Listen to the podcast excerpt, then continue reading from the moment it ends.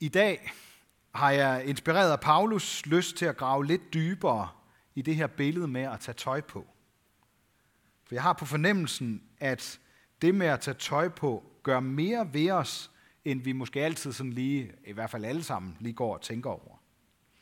Jeg vil prøve at komme ind på, at vi også i åndelig forstand kan tage tøj på og tage tøj af på måder, der får afgørende betydning for vores liv.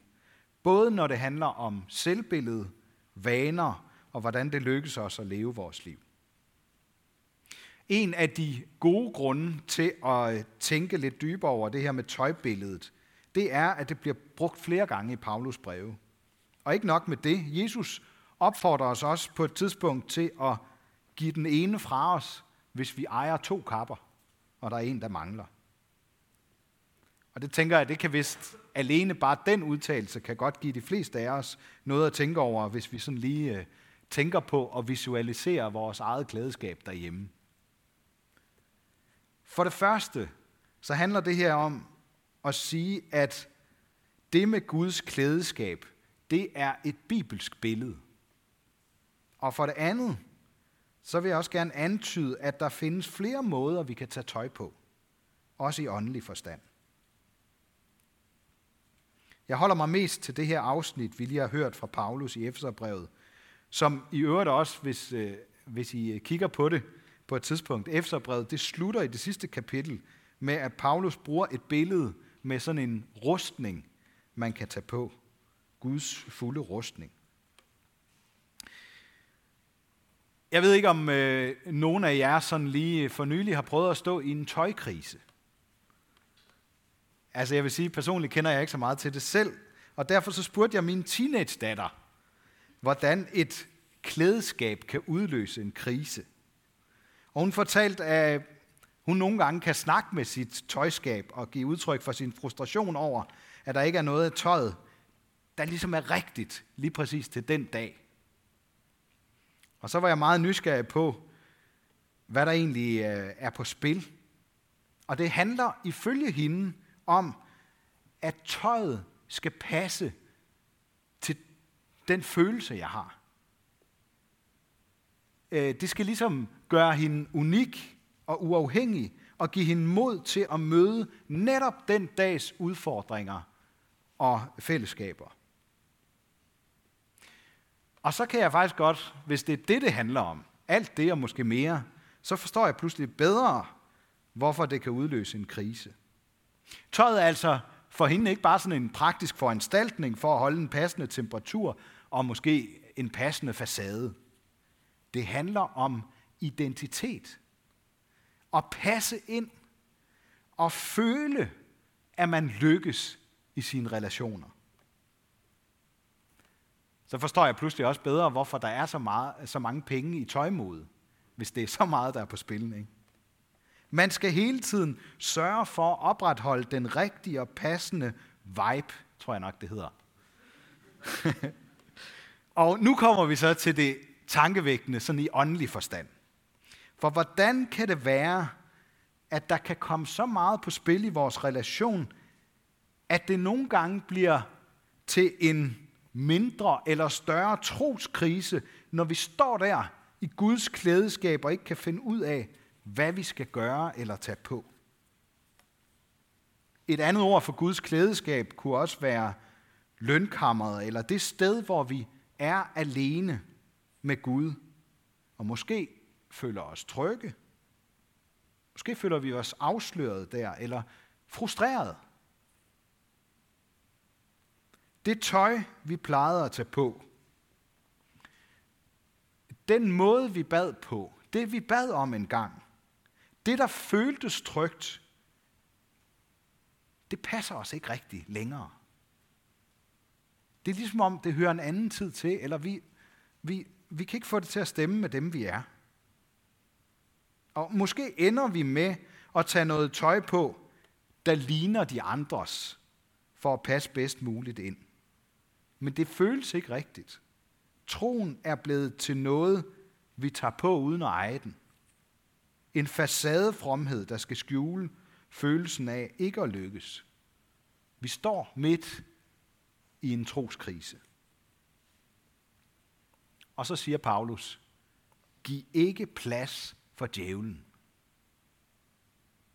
Og det handler om den stemme, der taler os ned, når vi ser os i spejlet eller spejler os i andre.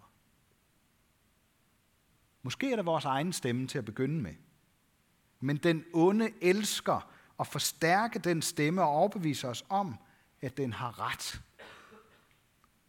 Så det Paulus sætter ord på, det er, at, der, at lige der foran spejlet i Guds klædeskab, der kan den onde viske os i øret. C.S. Lewis han har skrevet en meget interessant bog, der hedder Fra helvedes blækhus.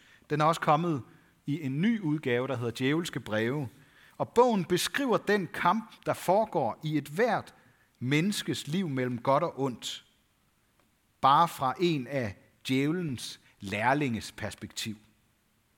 I foråret, I forordet til bogen, der siger Louis, at der findes to vilfarelser, vi kan havne i, hvad djævle angår. Den ene er at lade være med at tro på, at de eksisterer, og den anden er at føle en overdreven interesse for dem. Og lige meget om vi hælder mest til det materialistiske eller overtroiske, så er den ondes bedste våben mod os og overbevise os om, at der ikke er håb om at blive fri for den stemme på nogen anden måde, end at give efter for den. Jeg har lyst til at vise jer et citat fra bogen, der rammer lige på kornet i forhold til det, som Paulus siger. Og det er altså en overdjævel, der skriver til en djævlelærling om de kristne mennesker. Kan I se her. Det simpleste er at vende deres blik bort fra Gud og mod dem selv. Sørg for, at de stadig i deres eget sind og prøver at fremkalde følelser der ved at sætte deres egne, egen vilje ind på det. Når de egentlig vil bede Gud om næste kærlighed, så lad dem i stedet for begynde at prøve at fremkalde kærlige følelser for sig selv, uden at lægge mærke til, at det egentlig er det, de gør. Når de egentlig vil bede om mod, så lad dem prøve at føle, at de har fået tilgivelse.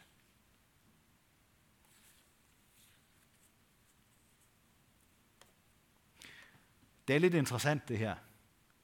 Jeg blev selv lidt overrasket, øh, da jeg læste, fordi øh, da jeg læste det første, tænkte jeg, jeg blev overrasket over, hvor det ender. Ikke? Det her med, det er overraskende, at djævlen ofte prøver at overtale os til at gøre noget godt, med at få os til at tænke på noget andet godt. Altså til at ikke at gøre noget godt. Det gør han ved at få os til at tænke på noget andet godt. Han spiller noget godt og vigtigt ud mod noget andet godt og vigtigt. Og det er meget interessant, fordi når vi bliver fristet, så, så er det meget sjældent sådan, at, at vi ligesom står og skal vælge mellem, vil jeg være sådan et, et, et godt menneske, eller vil jeg være sådan en total ondskabsfuld tyran? Altså, det er jo meget sjældent, at vi, at vi er i tvivl om, hvad vi skal vælge i sådan en situation. Det er meget sværere når vi egentlig skal gøre noget godt, og så kommer til at tænke på noget andet godt. Så er det ikke sikkert, at alarmklokkerne ringer.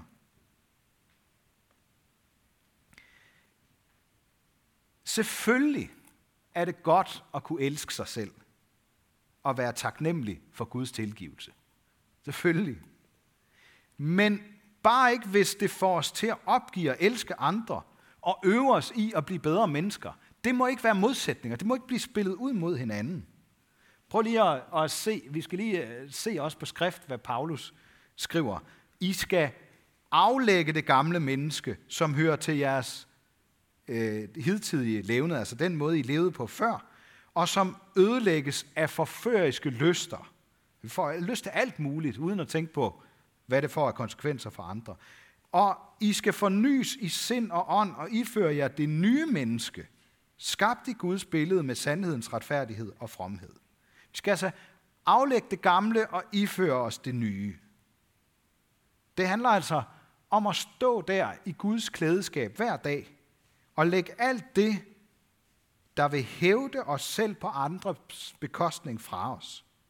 Det vi kun gør for os selv, som ender med at komme til at gå ud over andre. Det, der ødelægger livet for os, sådan så vi kan iføre os det nye menneske og blive fornyet i sind og ånd hver dag. Jeg tror ikke, det er tilfældigt, at Paulus bruger det her billede med at aflægge noget og tage noget på.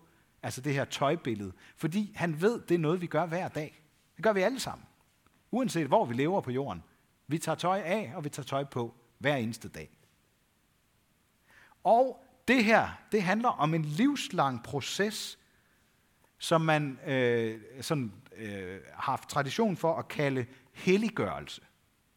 Altså det her med, at vi arbejder benhårdt og vedholdende på at blive bedre mennesker, selvom vi godt ved, at det aldrig helt vil lykkes for os. Den proces skal vi passe på med. Den må ikke blive bremset af sund egenkærlighed og Guds tilgivelse. Fordi vi er elsket og tilgivet. Det er ikke som sådan et sæt tøj, vi kan tage af og på. For vi er skabt til i Guds det er vi skabt til i Guds billede med sandhedens retfærdighed og fromhed, sådan siger Paulus det. Det er altså ikke en proces, men det er en tilstand, som man øh, sådan, øh, i kirken har kaldt for retfærdiggørelse. Og den bygger ikke på vores evne til at klæde os på i åndelig fromhed, eller om vi føler os elskværdige eller frie fra skyld og skam. Man kan sige, at det er som en, en hvid dragt, vi bliver iført hver morgen, før vi overhovedet begynder at overveje, hvad vi skal tage på og bruge vores dag til. Det er som en usynlig dåbskjole, der dækker os, så vi aldrig står nøgne over for Gud.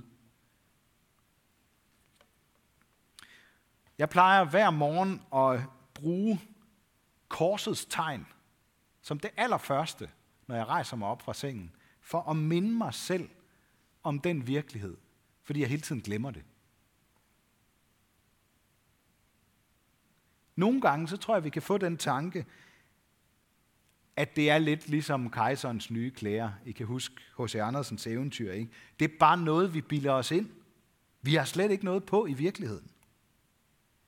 Vi må nok hellere klæde os pænt på, sådan så Gud bedre kan elske os. Det er misforstået. Vi skal klæde os i bøn og gode handlinger, fordi Gud har elsket og tilgivet os, før vi begynder på den nye dag.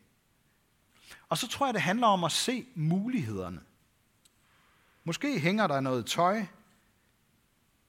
som vi ikke længere kan passe. Måske er der også noget, der er for stort. Måske får vi lyst til at lave en ny sammensætning, vi ikke har prøvet før. Det mest afgørende, det er ikke, hvad vi har til at hænge i skabet derhjemme. Det er, hvad vi vælger. Det gælder i øvrigt både i tøjkriser og i troskriser. Mod til at vælge, fordi jeg er 100% elskværdig, som jeg er, på grund af sandhedens retfærdighed. Alt det, som Jesus har gjort for mig, og som han har klædt mig i. Som min teenage-datter har skrevet på sit spejl, her ser du en, Jesus elsker.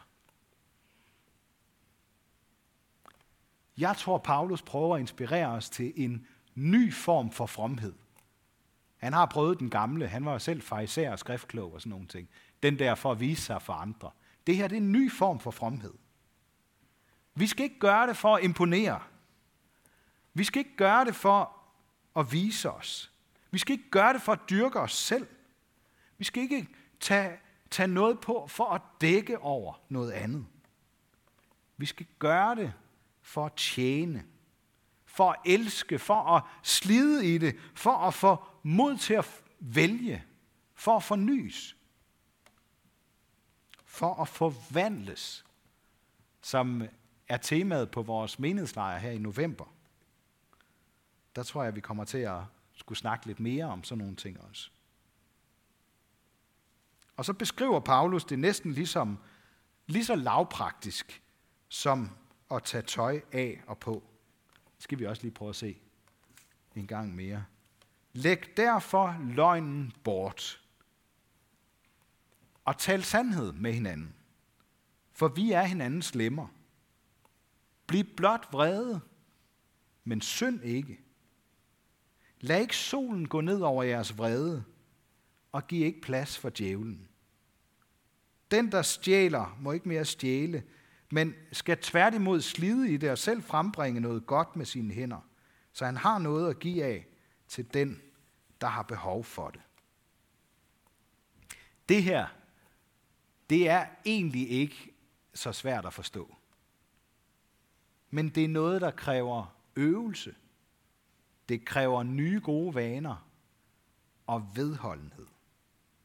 Og måske så kræver det også et fællesskab med en eller flere, der holder hinanden op på at tage det rigtige tøj på hver dag. Gå frimodigt ind i Guds klædeskab hver dag. Lad ham rejse dig op og klæde dig på med ord til bøn og tjeneste i handling. Og lad ham lægge dig ned og klæde alt det af, der er blevet beskidt og slet ikke klæder dig og passer til dig som et Guds barn. Men lad være med at blande de to ting sammen. Lad dagen og livet være en øvebane og en kampplads for alt det gode, vi er skabt til at gøre for hinanden.